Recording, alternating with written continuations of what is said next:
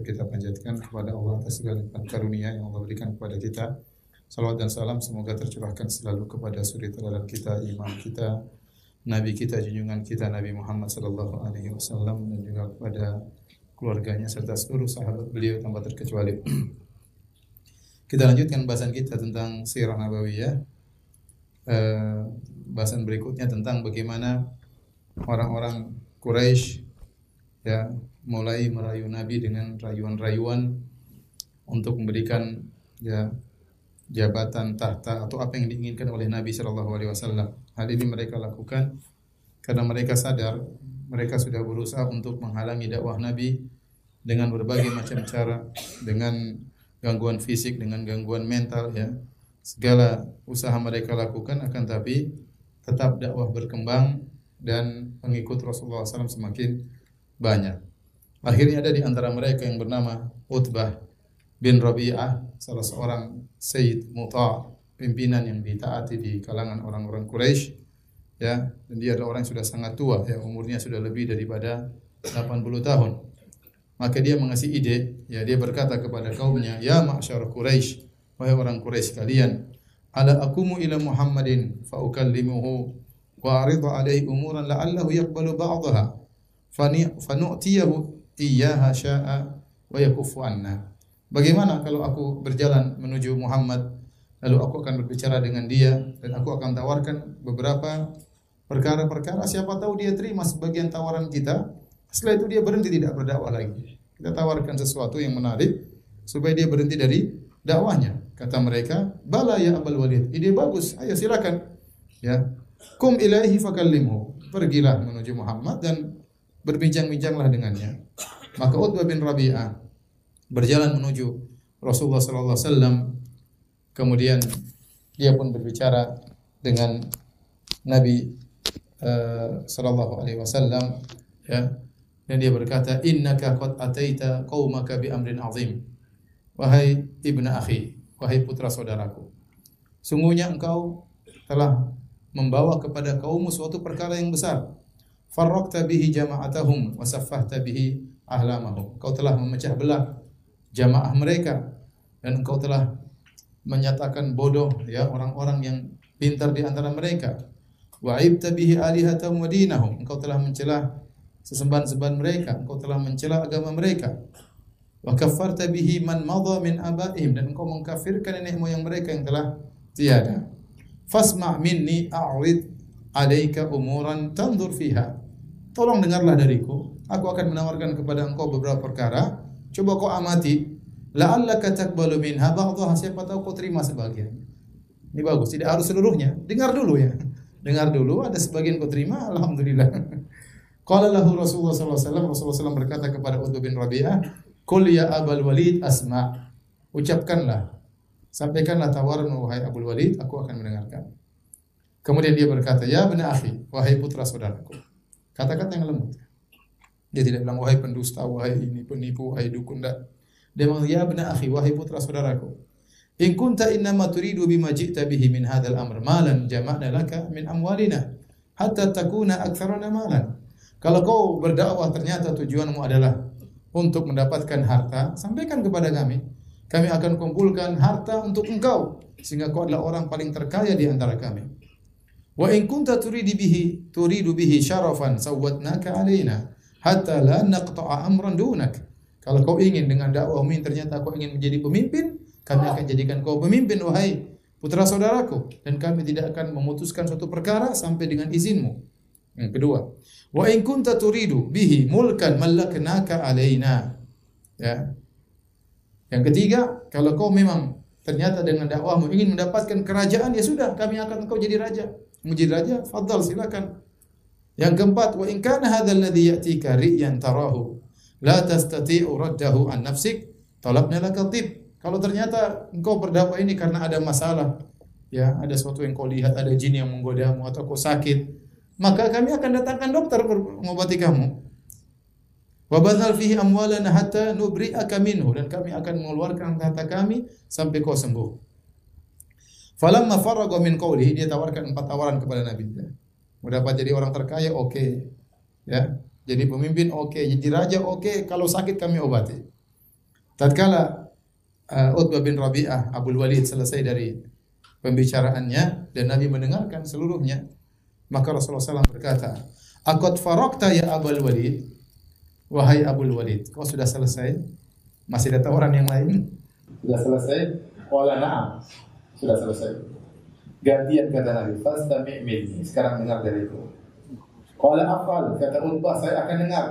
Maka Rasulullah SAW bacakan firman Allah, Bismillahirrahmanirrahim. Hamim tanzilu minar rahmanir rahim. Kitabun fussilat ayatuhu Qur'anan Arabiyyan liqaumin ya'lamun. Nabi baca Al-Qur'an. Ya, kemudian Utbah mendengarkan dengan saksama karena isinya Al-Qur'an. Dia orang Arab, dia ngerti tentang indahnya Al-Qur'an. Ya. Kemudian dia taruh kedua tangannya begini.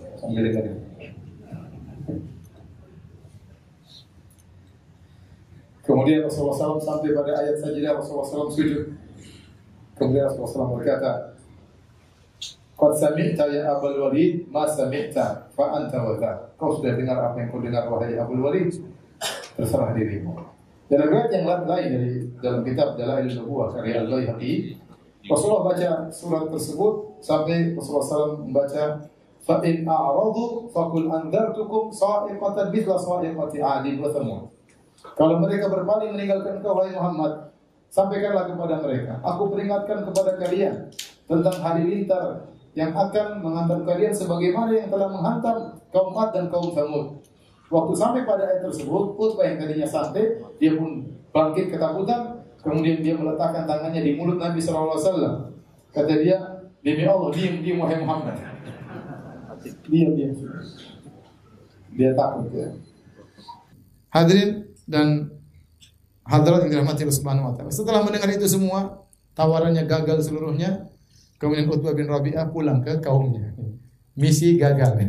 Dia pulang. Waktu dia datang menuju kaumnya, kaumnya pada ngomong di antara mereka. Nah, billah laqad ja'akum Abul Walid bi alladhi dhahaba. Saya bersumpah dengan nama Allah itu Abul Walid datang dengan wajah yang lain. Sudah berubah dia. Kemudian tatkala dia sampai kepada kaumnya, kaumnya bertanya, "Ma wara'aka ya Abul Walid?" Ada apa dengan kau wahai Abul Walid? Utbah bin Rabi'ah. Maka dia berkata, ya, "Wara'i anni sami'tu qaulan." Tadi saya mendengar suatu perkataan. Wallahi demi Allah ma sami'tu mithlahu qad. Demi Allah aku tidak pernah mendengar perkataan seperti itu. Mulailah dia tunjukkan apa? Perubahannya. Ini mereka orang musyrik kalau ini semuanya demi Allah demi Allah ya. Kata kata Abu Walid, Wallahi ma sami'tu mithlahu qat. Demi Allah aku tidak pernah mendengar perkataan seperti itu sebelumnya. Ma daraitu ma aruddu alaihi. Aku tidak tahu bagaimana saya bisa membantahnya. Saya tidak bisa bantah dia. Wallahi ma huwa bisya'ar. Yang saya dengar tadi demi Allah, bukan syair. Wala bisihar, bukan juga sihir. Wala bil kahana, bukan juga perdukunan. Ya ma'syara Quraisy, wahai orang-orang Quraisy kalian. Atiuni waj'aluha bi Ati'uni fi hadzal yaum wa'suni fi ma ba'dahu. Wahai orang Quraisy, taatlah kepadaku. Taatlah kepadaku pada hari ini. Ya, maksiatlah. Ingkarilah aku pada hari yang lain. Wa khallu baina hadzal rajul wa baina ma huwa fihi fa'tazilu. Biarkanlah dia berdakwah yang dia inginkan. Tinggalkan dia berdakwah kepada kaumnya. Fa wallahi la yakunanna liqaulihi alladhi sami'tu minhu naba'un azim. Dia mengatakan sungguh ya apa yang aku dengar itu merupakan ya kabar yang sangat agung. Ya. Intinya uh, dia ingatkan kepada kaumnya bahwasanya apa yang dia dengar itu adalah perkataan yang sangat sangat hebat ya. Taib, hadirin dan hadirat yang dirahmati oleh Allah Subhanahu wa taala, ketika Abu Walid menyampaikan itu semua, ya, dan dia berkata, ya wa in tusibuhul arab faqad kufitumuhu biwairikum. Sudah biarkanlah dia berdakwah kepada orang-orang Arab. Kalau ternyata dia kalah dikuasai oleh orang Arab ya sudah, kalian tidak usah capek-capek. Dia sudah dikalahkan oleh orang-orang Arab. Wa in yadhhar 'alal Arab fa mulkuhu mulkukum. Kalau seandainya Muhammad ternyata berdakwah dan dia menguasai orang Arab, kita kan juga ikut menguasai orang Arab karena kita sama-sama Quraisy dengan dengan dia. Wa kuntum az'ada nasibi dan kalian akan menjadi orang yang paling bahagia di di antara seluruh manusia. Apa kata mereka? saharaka wallahi abul walid. Kau sudah tersihir oleh dia wahai abul walid. Kemudian kata dia, qala hadza ra'yi. Ini pendapatku tentang dia. Fasna ubaba ma badalakum terserah kalian. Intinya dia sudah berubah. dia terpengaruh. Utbah bin Rabi'ah ini nanti akan kita ada, ada, ada ceritanya. Dia orang yang bijak sebenarnya. Dia juga melarang orang dalam perang Badar, tapi nanti dia adalah orang yang pertama tewas dalam perang Badar karena termakan provokasi. Jadi sebenarnya kata sebagian ulama seperti Syekh Ali Tontowi dia berkata, sebenarnya Muhammad itu ya menawarkan kepada mereka, wahai orang-orang Arab, wahai orang Quraisy, saya akan bukakan pintu-pintu dunia bagi kalian. Saya akan membuat kerajaan kalian luas menguasai dunia. Tinggal kalian ikut kepadaku. Sementara orang-orang Quraisy mengatakan, wahai Muhammad, kau mau nggak jadi raja di Mekah? Menjadi raja Mekah isinya batu semua. jadi aneh mereka ini. Nah, Muhammad SAW menawarkan kepada mereka untuk menguasai dunia. Mereka nawarkan Muhammad untuk menguasai apa? Mekah dengan bertahan di atas kesyirikan. Jadi itulah hakikat antara Rasulullah SAW dengan orang-orang Quraisy. Tatkala orang-orang Quraisy tidak bisa merayu Rasulullah SAW, akhirnya mereka menempuh jalan lain lagi, yaitu mereka menantang, ya, e, menantang agar Rasulullah SAW mendatangkan mukjizat, ya, menunjukkan bukti bahwasanya dia seorang Rasul. Kemudian mereka berkata, mereka datang kepada Rasul, mereka berkata, ya Muhammad, kalau kau tidak menerima dari kami tawaran apa pun, ya, maka sungguh kau telah mengetahui Laisa minan nasi ahadun adyaqu baladan. Ya. Wala aqalla ma'an wala ashadda aishan minna. Kita ini hidup di kota yang paling sempit karena kita di kota di Mekah itu lembah cuma kecil isinya sisanya apa? Isinya isi sisanya gunung-gunung. Tempat kini tempat yang paling sempit wahai Muhammad. Tempat yang air paling sedikit dan hidup paling susah di sini. Ya. Maka mintalah kepada Rabbmu ya untuk mengirim utusan kepada kami ya suruh kepada Tuhanmu agar memindahkan gunung-gunung ini pergi sehingga kota Mekah menjadi lebih luas. Gunung-gunung ini membuat kita sempit. Ya. Jadikanlah negeri kami terbentang. Wal yufajjir lana fiha anharun ka anhari Syam wal Iraq. Suruh Tuhanmu untuk mengeluarkan sungai di kota Mekah sebagaimana sungai-sungai yang ada di negeri Syam dan negeri Irak. Wal yab'ats lana min man madha min abaina. Suruh Tuhanmu untuk membangkitkan nenek moyang kami dari kuburan-kuburannya. Wal yakun fiman yab'ats lana minhum Qusay bin Kilab dan suruh di antara yang dibangkitkan adalah Qusay bin Kilab karena dia adalah syekhu sidqin, dia adalah orang yang jujur. Kalau dia sudah bangkit, kami akan bertanya kepada nenek moyang kami ini. Qusay bin Kilab itu kakeknya Nabi, kakek kesekian. Ahakunhu am batil? Kami akan tanya, ini Muhammad benar atau tidak? Fa in saddaqaka wa sana'ta saddaqna. Kalau ternyata dia sudah bangkit, dia bilang kamu benar, kami akan benarkan engkau. Dan kami akan tahu kedudukan di sisi Allah Subhanahu wa taala. Suruh Allah untuk mengutus ya apa yang kami minta. Maka Nabi menjawab kepada mereka, "Ma bihadza bu'ithu ilaikum." Bukan karena ini aku diutus untuk kalian. Ya. Waqad ballagtukum ma ursitu bi ilaikum. Aku telah sampaikan apa yang harus aku sampaikan kepada kalian. Fa in takbalu fa huwa hadzukum fid dunya wal akhirah. Kalau kalian terima, ini adalah bagian kalian dunia dan akhirat. Wa in tarudduhu alayya asbiru li amrillah taala. Kalau kalian tolak dakwahku, aku bersabar atas perintah Allah Subhanahu wa taala hatta yahkum Allahu baini wa bainakum sampai Allah putuskan keputusan antara kami dengan dengan kalian. Bahkan di antara mereka ada yang nantang, ya. Faaskit sama alaina kisafa. Wahai Muhammad, itu langit jatuhkan kepada kami. Kalau memang kau benar ya. Kemudian Nabi berkata, "Dzalika Allah." Itu urusan Allah, bukan urusanku. In sya'an yaf'ala bikum fa'al. Kalau Allah ingin menurunkan langit jatuh di atas kalian, Allah akan lakukan.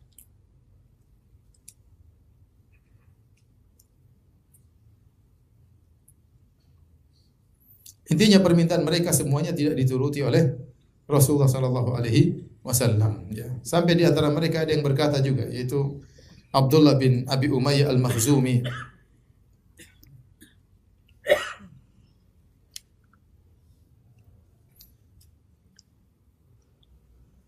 Kemudian dia berkata, "Wahai Muhammad, seluruh tawaran kaummu kau tolak, permintaan kaummu kau tolak." Kemudian dia berkata, ya, "Fallahi la uminu bika abadan hatta tattakhidha ila sama'i sullama." Demi Allah, aku tidak akan beriman dengan engkau selama-lamanya, wahai Muhammad. Sampai kau bikin tangga menuju langit. Sumatar kofi, kemudian kau naik di atas tangga tersebut. Wa ana andur ilaika. Kau naik, saya sambil lihat. Hatta ta'tiyaha. Kemudian kau sampai di langit, setelah itu kau turun bawa buku dari langit. Thumma ta'tiya ma'aka arba'atu minal malaika syadun lak. Kemudian kau turun bawa empat malaikat mempersaksikan kau di atas kebenaran. Kemudian dia pun pergi dan dia berkata sebelumnya dia berkata, "Wa aimullah, law fa'alta dzalika ma dhanantu anni usaddiqu." Kata dia, "Wahai Muhammad, seandainya kau bisa lakukan itu semua, kau naik di langit, bawa buku turun, bawa empat malaikat, saya rasa saya juga tidak beriman." Kata. Kemudian dia pun pergi ya. Itulah kemudian turun firman Allah Subhanahu wa taala ya tentang hal ini. Wa qalu laula unzila alaihi malak.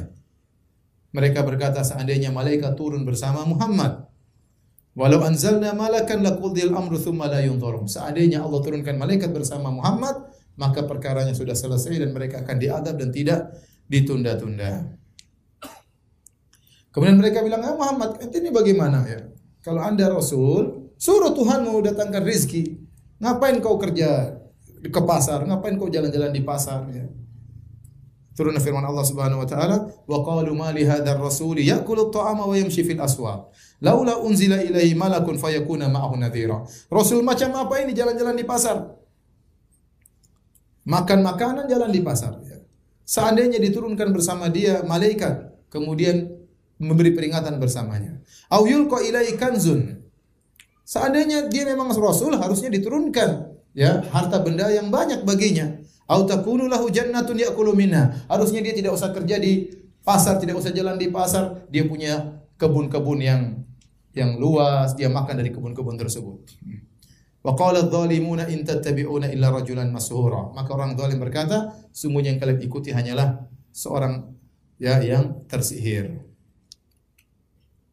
Mereka juga berkata, "Wa qalu lan nu'mina laka hatta tafjura lana minal ardi yanbu'a." Allah turunkan ayat-ayatnya tentang ejekan mereka. Mereka berkata, "Kami tidak akan beriman kepada engkau wahai Muhammad sampai kau keluarkan dari bumi ya mata air atau sungai-sungai Au takuna laka jannatun min nakhilin wa inabin fatufajjiral anhara khilalaha tafjira. Atau kau punya kebun, kebun korma, kebun anggur, di sela-sela kebun tersebut ada sungai-sungai yang mengalir. Au tusqita sama kama zamta alaina kisafa. Atau kau jatuhkan langit ke atas kami. Au ta'tiya billahi wal malaikati qabila. Aku kau datangkan Allah dan malaikat berhadapan dengan kami. Au yakuna laka baitun min zukhrufin. Atau kau punya Eh, rumah dari rumah yang sangat mewah au tarqa fis samai wala nu'minu liruqiyyaka hatta tunzila alaina kitaban naqra'u atau kau naik di atas langit dan kami tidak akan beriman kepada engkau sampai kau turunkan dari langit buku yang kami bisa baca. Kata Allah kul subhana rabbi hal kuntu illa basyaran rasula. Katakanlah maha suci Rabbku aku ini hanya manusia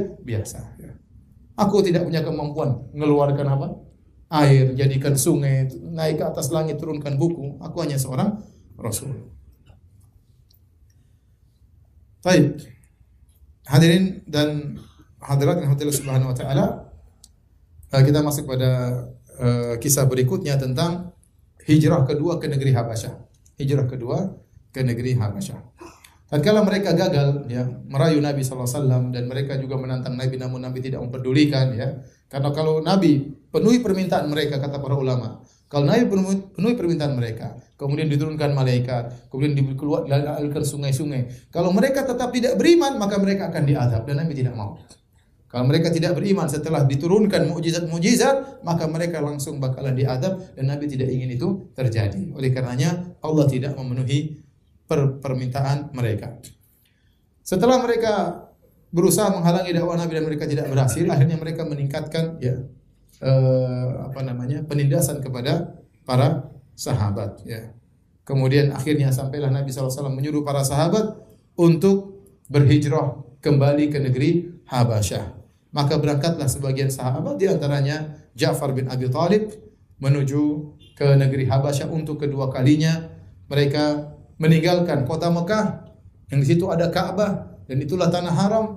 Mereka harus pergi ke negeri kafir, negeri Habasyah, negerinya orang-orang Nasara. Semua itu mereka lakukan meninggalkan negeri mereka ke negeri yang lebih miskin, yang bukan negeri Arab, yang mungkin lebih gersang dari negeri mereka, lebih sulit, tetapi mereka bisa mudah beribadah kepada Allah Subhanahu wa taala. Mereka tinggalkan dunia, yang penting bisa beribadah kepada Allah dengan bebas di negeri tersebut.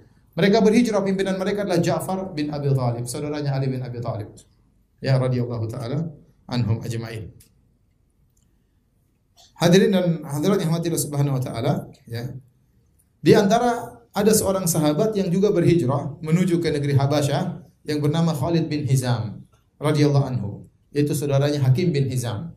Hakim bin Hizam ini uh, dan Khalid bin Hizam adalah ponakannya uh, Khadijah radhiyallahu taala uh, anha. Cuma Hakim bin Hizam sudah masuk Islam, uh, Hakim bin Hizam belum masuk Islam, Khalid bin Hizam sudah masuk Islam dan dia kemudian berhijrah ke negeri Habasyah. Akan tapi di tengah jalan dia disengat oleh ular dan meninggal di dunia.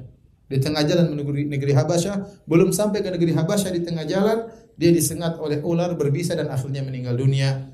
Maka di antara ayat yang bercerita tentang kisah ini firman Allah, "Wa man yakhruj min baitihi muhajiran ila Allah wa rasulih, thumma yudrikuhu al-maut faqad waqa'a ajru 'ala Allah wa kana Allahu ghafurur rahim."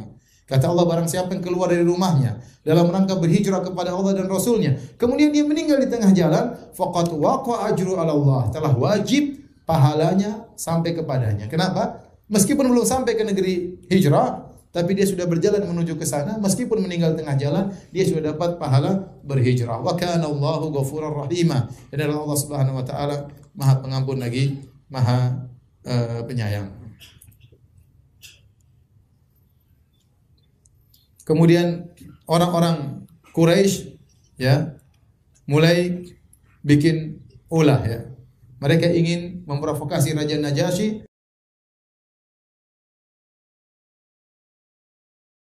mengirim dua utusan orang-orang hebat, provokator ulung. Yang pertama adalah Amr bin As radhiyallahu anhu masih kafir, orang cerdas ya. Amr bin As ini orang cerdas ya. Makanya tatkala terjadi perselisihan antara Muawiyah uh, bin Abi Sufyan dengan Ali bin Abi Thalib, maka mereka mengirim dua utusan, masing-masing satu utusan.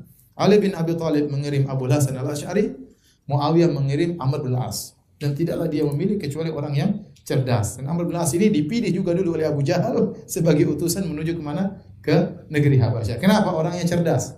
Cerdas dan pintar ngomong. Provokator ulung ya. Waktu ini masih musyrik. Maka dikirimlah mereka pilih dua orang Amr bin As dan Abdullah bin Abi Rabi'ah. Kemudian dikirim oleh orang Quraisy untuk merayu Raja Najasyi agar menyuruh pulang orang-orang e, kaum muslimin yang di sana. Kemudian mereka bawakan hadiah-hadiah yang banyak buat Raja Najasyi dan juga pembesar-pembesarnya. Dan di antara hadiah yang mereka paling suka itu kulit. Mereka suka apa? Kulit. Dan ini dalil bahwasanya mereka Habasyah atau Ethiopia negara miskin ya. Kalau negara kaya mungkin sukanya apa? Emas, perak. Mereka sukanya apa?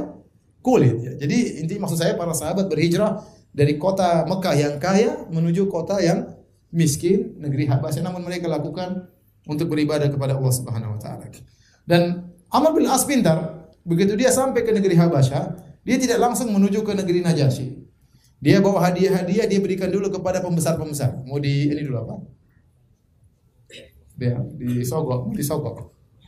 Kemudian dia kumpulkan, kumpulkan pembesar-pembesar Raja Najasyi. Kemudian dia berikan hadiah dia kepada mereka dan dia ngomongi satu-satu kepada pembesar-pembesar tersebut. Kata Amr bin As ya.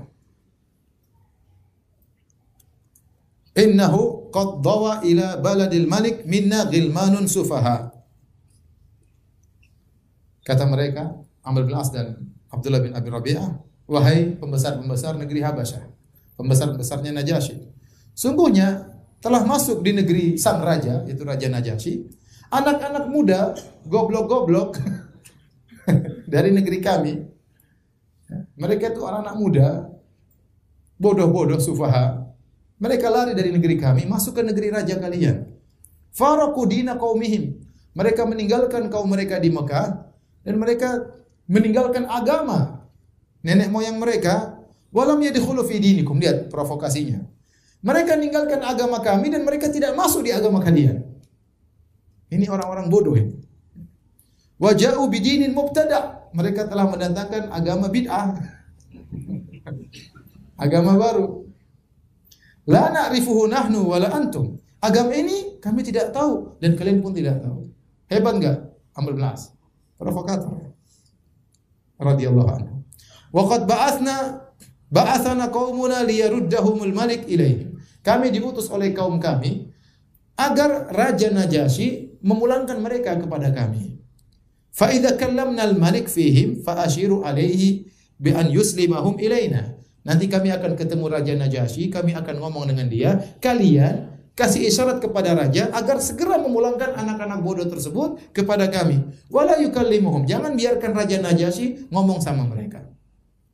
Pokoknya kalau saya bilang begini, kalian apa uh, setujui dan kalian beri isyarat atau kalian menyuruh Najasyi, Najasyi untuk mengembalikan mereka orang-orang bodoh kepada kami. Fa inna qaumahum a'la bihim ainan. Sungguhnya kaum mereka lebih ngerti tentang kondisi mereka. Wa alam bima abu alim dan lebih ngerti tentang aib-aib mereka. Raja itu nggak ngerti. Kami lebih tahu tentang anak-anak muda tersebut. Kemudian akhirnya mereka berangkat menuju ke, ke Raja Najasyi dan pembesar-pembesar sudah hadir di sisi raja. Kemudian akhirnya Amr bin As dan Abdullah bin Abi Rabi'ah memberikan hadiah kepada siapa raja? Najasyi. Dan ya, hadiahnya kulit kulit-kulit ya. Kemudian juga ada uh, kemudian mereka berdua ngomong sama Raja Najasyi. Faqala lahu, apa kata mereka berdua? Ayyuhal malik, wahai raja, innahu qad dawa ila baladika minna ghilmanun sufaha. Sungguhnya telah keluar dari kami sekelompok pemuda yang bodoh-bodoh pergi masuk ke negerimu. Faraku dina qaumihim. Mereka telah meninggalkan agama kaum mereka. Walam yadkhulu fi dinik. Dan mereka pun tidak masuk dalam agamamu. Waja'u bidinin ibtada'uhu. Dan mereka telah datang dengan agama yang mereka buat-buat. La na'rifu nahnu wala anta. Kami tidak tahu agama tersebut, engkau pun tidak tahu. Wa qad ba'athana ilaika fihim asyrafu qaumihim min abaihim wa amaihim wa asyairihim litaruddahum ilaihim. Kami telah diutus oleh orang pembesar-pembesar kami. Diutus oleh pembesar-pembesar di suku kami, diutus oleh paman-paman mereka mengutus kami untuk mengambil mereka pulang ke tempat mereka. Akhirnya pembesar-pembesar ikut memprovokasi. Mereka berkata, Sodako ayuhal malik. Wahai raja, ini dua orang ini benar. Sudah sudah disogok dari awal. ini dua orang benar. Kaumuhum a'la bihim ainan. Sungguhnya kaumnya, kaum mereka lebih ngerti tentang mereka. Lebih tahu tentang aib mereka. Fa aslimhum ilaihima. Serahkanlah anak-anak muda tersebut kepada dua orang ini falyaruddahum ila biladihim agar mereka berdua mengembalikan anak-anak muda tersebut kepada kaumnya. Faghadiban Najasyi. Najasyi marah waktu itu. Dia tahu dia tidak mau diajarin sama mereka. Ya. Dan dia tidak mau menerima perkataan mereka. Dan dia bersumpah tidak akan menyerahkan orang yang telah dia bersandar kepada dia, minta pertolongannya yang telah bersandar ke negerinya. Saya tidak akan serahkan mereka kata Raja Najasyi. Kata Raja Najasyi, panggil mereka. Saya ingin ngomong dengan mereka. Dan ini yang dikhawatirkan oleh Amr bin As. Aduh, kalau raja sudah ngomong sama mereka repot. Raja ingin mendengar dari dua belah pihak. Akhirnya Raja Najasyi mengutus utusan memanggil para sahabat Nabi. Para sahabat jadi bingung. Wah ini bahaya. Ada Amr bin As, ada Labib bin Rabi'ah. Kita diundang, kita mau ngomong apa? Nanti kalau ditanya-tanya tentang agama kita gimana? Akhirnya mereka bersepakat kita harus jujur. Apa pun yang terjadi, terjadilah. Yang penting kita harus apa? Jujur. Kainan mahwa kain. Apa yang terjadi kita tidak peduli. Akhirnya datanglah para sahabat. Dipimpin juru bicaranya adalah Ja'far bin Abi Talib. Ya, yang disebut dengan Ja'far At-Tayyar. Ja'far At-Tayyar yang dia meninggal dalam perang Mu'tah. Di mana kedua tangannya putus sehingga Allah menggantikan dengan sayap dia terbang di surga. Radiyallahu anhu. Raja Najasyi sudah mengambil maklumat wawasan dari Amr bin As. Maka dia bertanya kepada Ja'far, "Ma hadzal dinul ladzi qad faraqtum fihi qaumakum?" Ini agama apa yang kalian bawa? Kalian telah meninggalkan nenek moyang kalian, meninggalkan suku kaum kalian. Walam tadkhulu fi dini dan kalian tidak masuk dalam agamaku.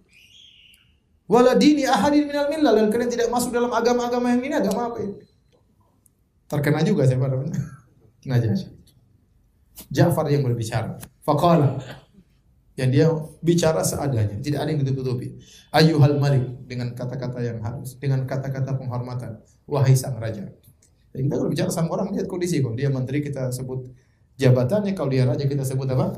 Jabatannya Rasulullah SAW saja kalau kirim surat kepada Heraklius padahal dia musyrik kata Nabi ila azimir Rum kepada penguasa negeri Romawi. Sebutkan apa? Nazilun nas manazilahum. Tempatkanlah manusia dengan kedudukan mereka. Kalau dia berkedudukan kita tidak boleh hina, kita sebutkan kedudukannya. Ya.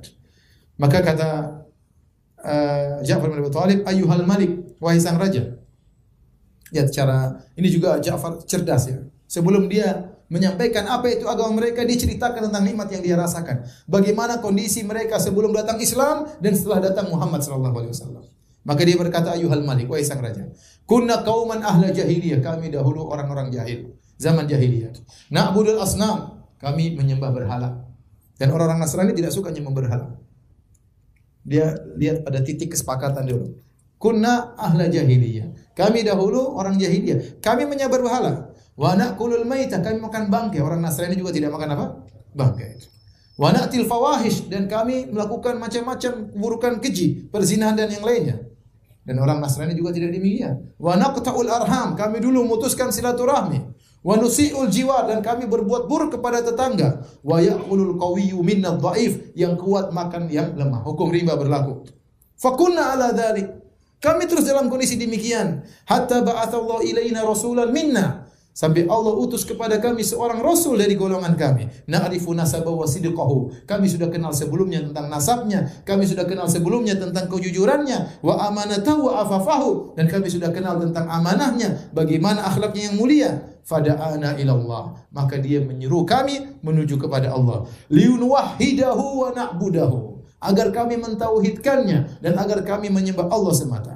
Wa nakhla ma kunna na'budu nahnu wa abauna dan dia menyuruh kami untuk meninggalkan apa yang disembah disembelih di apa disembah dulu oleh kami dan disembah oleh nenek moyang kami min dinihi minal hijar wal authan kami dulu menyembah batu menyembah berhala wa amara nabi siddiqal hadis dia sebutkan tentang indahnya Islam ini rasul nyuruh kami untuk jujur wa adail amanah. Ini Rasul menyuruh kami untuk amanah. Wa silaturahim. Ini Rasul menyuruh kami untuk menyambung silaturahmi. Wa husnil jiwar untuk berbuat baik kepada tetangga. Wal kafi anil maharim wad dima. Ini Rasul menyuruh kami untuk menjauhkan diri dari perkara yang haram. Jangan sampai menumpahkan darah. Wa nahana anil fawahish. Ini Rasul menyuruh melarang kami untuk berzina. Wa qawli zur. Ini Rasul melarang kami untuk berdusta. Wa akli malil yatim. Ini Rasul melarang kami untuk makan harta anak yatim. Wa qadhfil muhsanat. Ini Rasul melarang kami untuk untuk menuduh wanita baik-baik dengan tuduhan yang tidak-tidak. Wa amarana an na'budallaha wahdahu.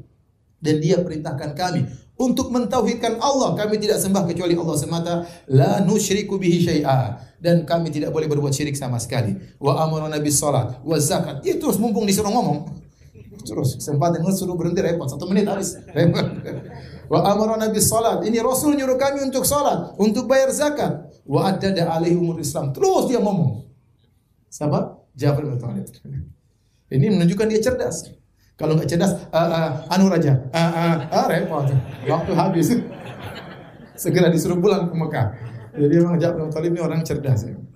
Kemudian dia berkata setelah dia jelaskan dengan panjang lebar tentang ajaran Nabi, dia berkata, "Fasaddaqnahu wa amanna bihi." Kami pun membenarkannya dan kami beriman kepadanya. Wattaba'nahu ala ma ja'a bihi min Allah. Kami ikuti ajaran yang dia bawa dari Allah Subhanahu wa taala. Fa'abadna Allah wahdahu. Kami pun mentauhidkan Allah. Kami hanya menyembah Allah. Falam nusyrik bihi syai'a. Kami tidak berbuat syirik sama sekali. Wa harramna ma harrama alaina. Kami haramkan apa yang diharamkan atas kami. Wa ahlalna ma ahlalana. Apa yang dia halalkan kami halalkan. Fa'ada alaina qaumuna. Akhirnya kaum kami berbuat zalim kepada kami. Masya Allah caranya.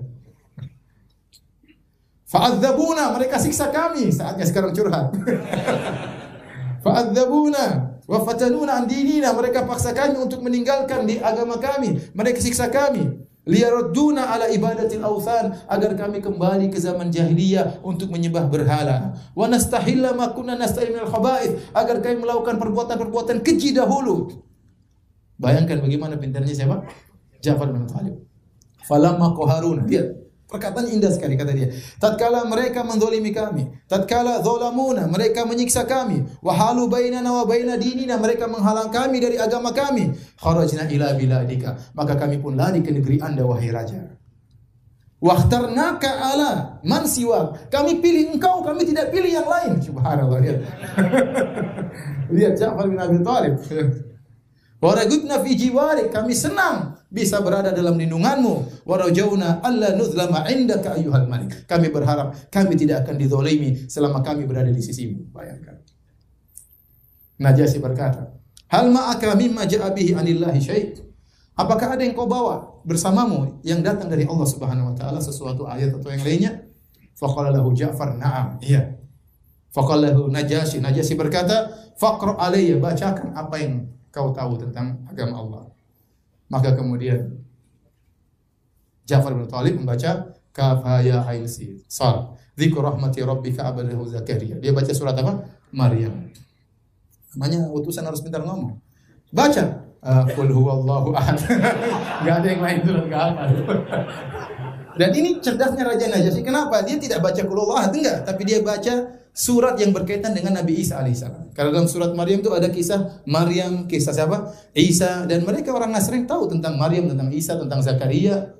Maka cerdas dia bacakan surat apa? Maryam. Dia baca, dia baca fabakan Najasyi, maka Najasyi pun menangis.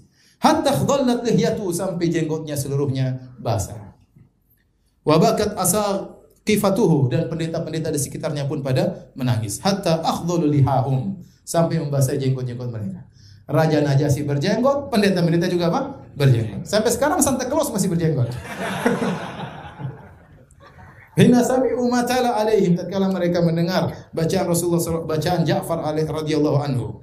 Thumma qala Najasyi. Kemudian Najasyi berkata, "Inna hadha walladhi ja'a bihi Musa la yakhruju min miskatin wahidah. Sungguhnya apa yang kau baca ini dengan apa yang pernah dibawa oleh Musa keluar dari sumber yang sama.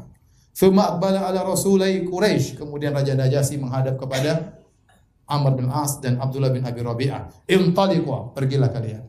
Wallahi la uslimuhum ilaikuma abadan. Aku tidak akan menyerahkan mereka kepada kalian berdua selamanya. Wala yukadun dan mereka tidak bakalan di dimakari, tidak akan dibuat makar kepada mereka. Disebutkan oleh Imam Nasai dalam Sunan Kubra dengan sanad yang dhaif ya tentang Raja Najasyi ayat yang berkaitan dengan ini wa idza sami'u ma unzila ila rasuli tara ayunahum tafidu minad dam'i mimma arafu minal haq. Jika mereka ya ahlul kitab mendengar apa yang diturunkan kepada Rasulullah SAW, kau lihat mata-mata mereka akan mengalirkan air mata karena mereka tahu kebenaran ya tentang atas kebenaran yang mereka telah ketahui. Yaquluna rabbana amanna faktubna ma'syahidin. Kata mereka ya Rabb kami, kami beriman, catatlah kami bersama orang-orang yang menyaksikan. Kemudian akhirnya tatkala Amr bin As dan Abdullah bin Abi Rabi'ah gagal memprovokasi Najasyi, dia tidak putus asa Amr bin As, orang cerdas. Jadi hari ini mereka kalah, tapi mereka tidak mau pulang dulu. Cari cara bagaimana agar Raja Najasyi bisa terprovokasi. Maka berkatalah Amr bin As, "Wallahi la atiyannahu gadan anhum bima astasilu bihi khadrahum." Demi Allah kata Amr bin As, masih musyrik ya, demi Allah. Besok aku akan ketemu lagi. Dan aku akan datangkan tentang suatu perkara yang akan menghabisi mereka seluruhnya. Dia memprovokasi dan provokasi yang hebat. Kata Abdullah bin Abi Rabi'ah, sudah Amr bin As, nah, tafar, sudah tidak usah, tidak usah fa inna lahum arhaman wa in kanu qad khalafuna Abdullah bin Rabi'ah masih kasihan sama Ja'far bin Abi Talib dan kaum muslimin. Mereka Quraisy, mereka masih kerabat kita. Kalau kau datangkan perkara ini, akhirnya Raja Najasyi ngamuk, mereka dihabisi, itu kerabat kita. Meskipun mereka menyelisih kita, jangan kau lakukan. Tapi Amr bin As tetap ngeyel, enggak, enggak bisa. Pokoknya besok mereka habis. Caranya bagaimana? Dia provokasi, besok besoknya dia ketemu lagi dengan Najasyi. Dia berbicara. Diundang semuanya. Ayuhal Malik, wahai raja. Ini apa namanya? Istilahnya kartu asnya siapa? Amr bin As. Untuk menghabisi kaum muslimin. Innahum yakuluna fi Isa bin Maryam qawlan azima. Wahai raja, sungguhnya mereka telah berbicara tentang Isa bin Maryam dengan perkataan yang bahaya. Berarti Amr bin As juga ngerti baca Quran juga. Dia juga dengar-dengar. Dia tahu, dia tahu tentang apa? Islam. Kata dia mereka ini berbicara tentang Isa dengan perkataan yang parah. Dan dia tahu Raja Najasyi Nasara menuhankan siapa? Nabi Isa. Kemudian Raja Najasyi farsal ilim Najasyi. Najasyi panggil, panggil mereka. Benar mereka ngomong buruk tentang Isa bin Maryam. Panggil mereka. Akhirnya datanglah kaum muslimin. Mereka bingung, waduh gimana ini? Apa yang harus kita jawab? Pertanyaan ini mematikan. Apa pendapat kalian tentang Tuhan kami? Kan repot itu. Repot pertanyaan mematikan. Kata para sahabat, kita ucapkan seadanya. Biarlah terjadi apa yang terjadi. Kemudian tatkala mereka masuk ketemu Najasyi, maka pertanyaan langsung ditujukan kepada mereka. Itu the point. Mada taquluna fi Isa bin Maryam? Apa apa yang kalian ucapkan pendapat kalian tentang Isa bin Maryam? Ja'far bin Abi Thalib yang menjawab. Naqulu fil ladzi ja'ana bihi nabiyuna. Kami mengucapkan sesuai dengan apa yang diajarkan oleh nabi kami kepada kami tentang Isa bin Maryam. Huwa Abdullah wa rasuluhu. Dia adalah hamba Allah dan rasulnya. Wa ruhuhu wa kalimatuhu dan dia adalah salah satu ruh dari yang Allah ciptakan. Wa kalimatuhu yang dia diciptakan dengan kun fayakun. Alqaha ila Maryam al-adra al-batul yang Allah lemparkan ruh tersebut ke dalam rahim wanita yang gadis yaitu Maryam. Najasyi mendengar dan apa? Ja'far tidak peduli. Dia tidak bilang ini Tuhan, tidak. Dia bilang itu hamba Allah, Rasulnya, makhluk manusia khusus. Allah ciptakan ruh khusus tentang dia. Allah mengucapkan kun fayakun. Allah lemparkan ruh tersebut dalam rahim seorang gadis wanita yang perawan. Akhirnya keluarlah Isa bin Maryam.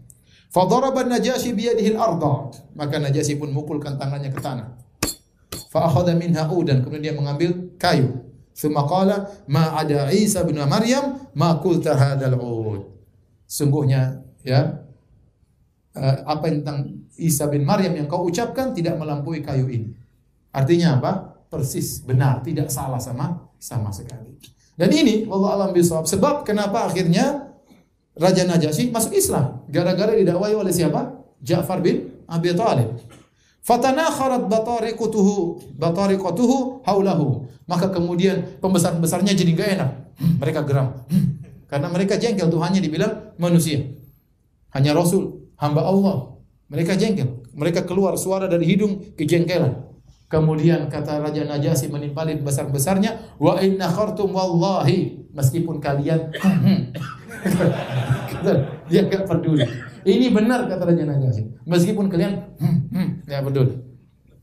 Qala lil muslimin Raja Najasyi berkata kepada para sahabat, "Idhabu fa antum suyumun bi ardi." Pergilah kalian, kalian akan aman di negeriku.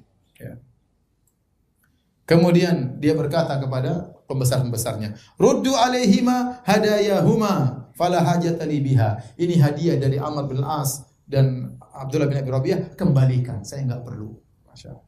Bukan disuruh pulang hadiahnya diambil, enggak. Kembalikan, suruh pulang dengan hadiahnya. Dan Najasyi masuk Islam ya, melalui dakwah Ja'far bin Abi Talib, namun beliau menyembunyikan Islam beliau. Beliau tidak menampakkan Islam Islam beliau. Pernah terjadi peperangan disebutkan ya, waktu ada ada ada musuh yang menyerang Raja Najasyi di Habasyah. Maka para sahabat gelisah waktu Raja Najasyi diserang oleh raja yang lain. Bahaya kalau Raja Najasyi tumbang, repot nanti. Datang raja baru, mungkin tidak menghargai mereka, mungkin mengusir mereka, mungkin memulangkan mereka kota Mekah. Maka waktu itu para sahabat gelisah dan ternyata Raja Najasyi menang, mengalahkan musuh tersebut. Dan akhirnya dia meninggal dunia, ya. Dan nama beliau adalah Ashama. Ashama karena Najasyi itu gelar raja. Kalau di kita raja, ya. Raja ini punya nama. Seperti Firaun, seluruh raja di Mesir namanya apa? Firaun. Tapi setiap Firaun ada namanya. Seluruh raja di Romawi namanya kaisar. Tetapi masing-masing punya nama. Seperti Heraklius ya. Seperti Najasyi juga raja di seluruh raja di negeri Habasyah. Najasyi namanya Ashama radhiyallahu taala anhu. Ya. Dia masuk Islam, ada yang mengatakan dia sahabat, tapi namanya sahabat harus lihat Nabi. Ini tidak pernah lihat apa? Nabi. Ada yang mengatakan dia tabiin karena dia bertemu dengan sahabat. Karena tabiin adalah orang yang bertemu dengan apa? Sahabat. Mau dibilang tabi'in, dia hidup di zaman Nabi. Mau dibilang sahabat, tidak pernah ketemu dengan siapa? Nabi sallallahu alaihi wasallam. Waktu dia meninggal dunia, maka Nabi SAW menyuruh para sahabat untuk solatkan goib. Sallu ala sahibukum. Atau sallu ala akhikum. Solatlah kepada saudara kalian Najasyi. Ala abdin saleh, seorang hamba yang saleh Najasyi. Rasulullah salat goib, Rasulullah salat di Madinah, sementara dia meninggal di mana?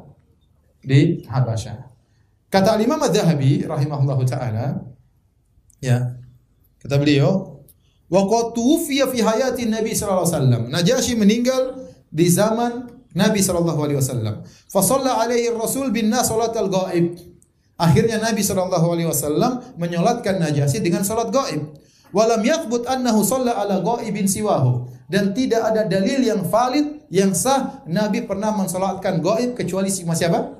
Najasyi. Tidak ada yang lain yang Nabi pernah salatkan gaib kecuali cuma siapa? Najasyi. Yang ngomong gini Al-Imam Adz-Dzahabi, ahli hadis dari ulama mazhab Syafi'iyah. Dia mengatakan tidak ada hadis yang sahih Nabi pernah menyolatkan gaib kepada orang lain kecuali kepada Najasyi. Dia jelaskan kenapa? Wasababu wasababu dzalik sebabnya annahu mata baina qaumin nasara. Dia meninggal di kalangan orang-orang Nasara. Walam yakun indahu man yusalli alaihi. Tidak ada orang yang menyolatkannya. Tidak ada yang menyolatkannya.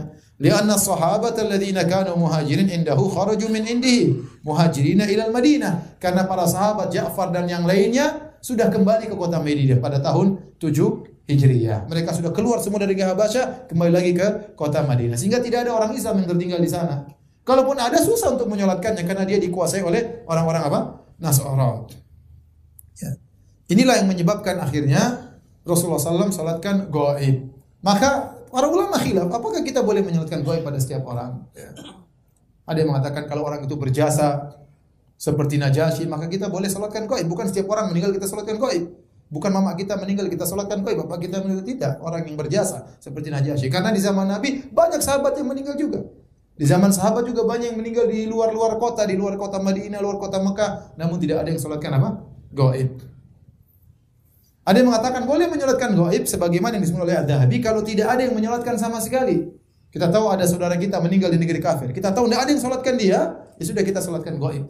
Karena tidak ada yang menyolatkannya sebagaimana Najasyi. Wallah alam besok ini pendapat khilaf di kalangan para para ulama.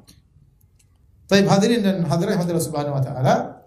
Setelah Amr bin As dan radhiyallahu anhu dan Abdullah bin Abi Rabi'ah pulang kembali kota Mekah, maka kaum muslimin tetap berada di negeri Habasyah, mereka hidup di sana, berdakwah di sana, mereka beribadah kepada Allah sampai sekitar 10 tahun.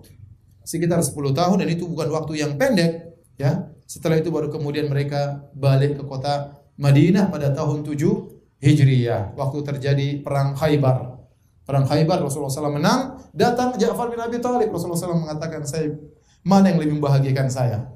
Apakah menang dalam perang Khaybar atau bertemu dengan siapa? Ja'far bin Abi Talib radhiyallahu taala anhu. Mereka lah orang-orang yang disebut dengan uh, apa namanya ashabul hijratain, berhijrah dua kali. Hijrah ke negeri Habasyah dan hijrah ke mana? Kota Madinah. Allah turunkan firman Allah tentang mereka awwaluna minal muhajirin wal ansar walladzina tabauhum bi ihsanin radhiyallahu anhum wa radu'an dan orang-orang yang pertama kali masuk Islam di awal-awal Islam dari kalangan kaum muhajirin kaum ansar dan yang mengikuti mereka dengan kebaikan Allah ridho kepada mereka dan mereka pun ridho kepada Allah Subhanahu wa taala.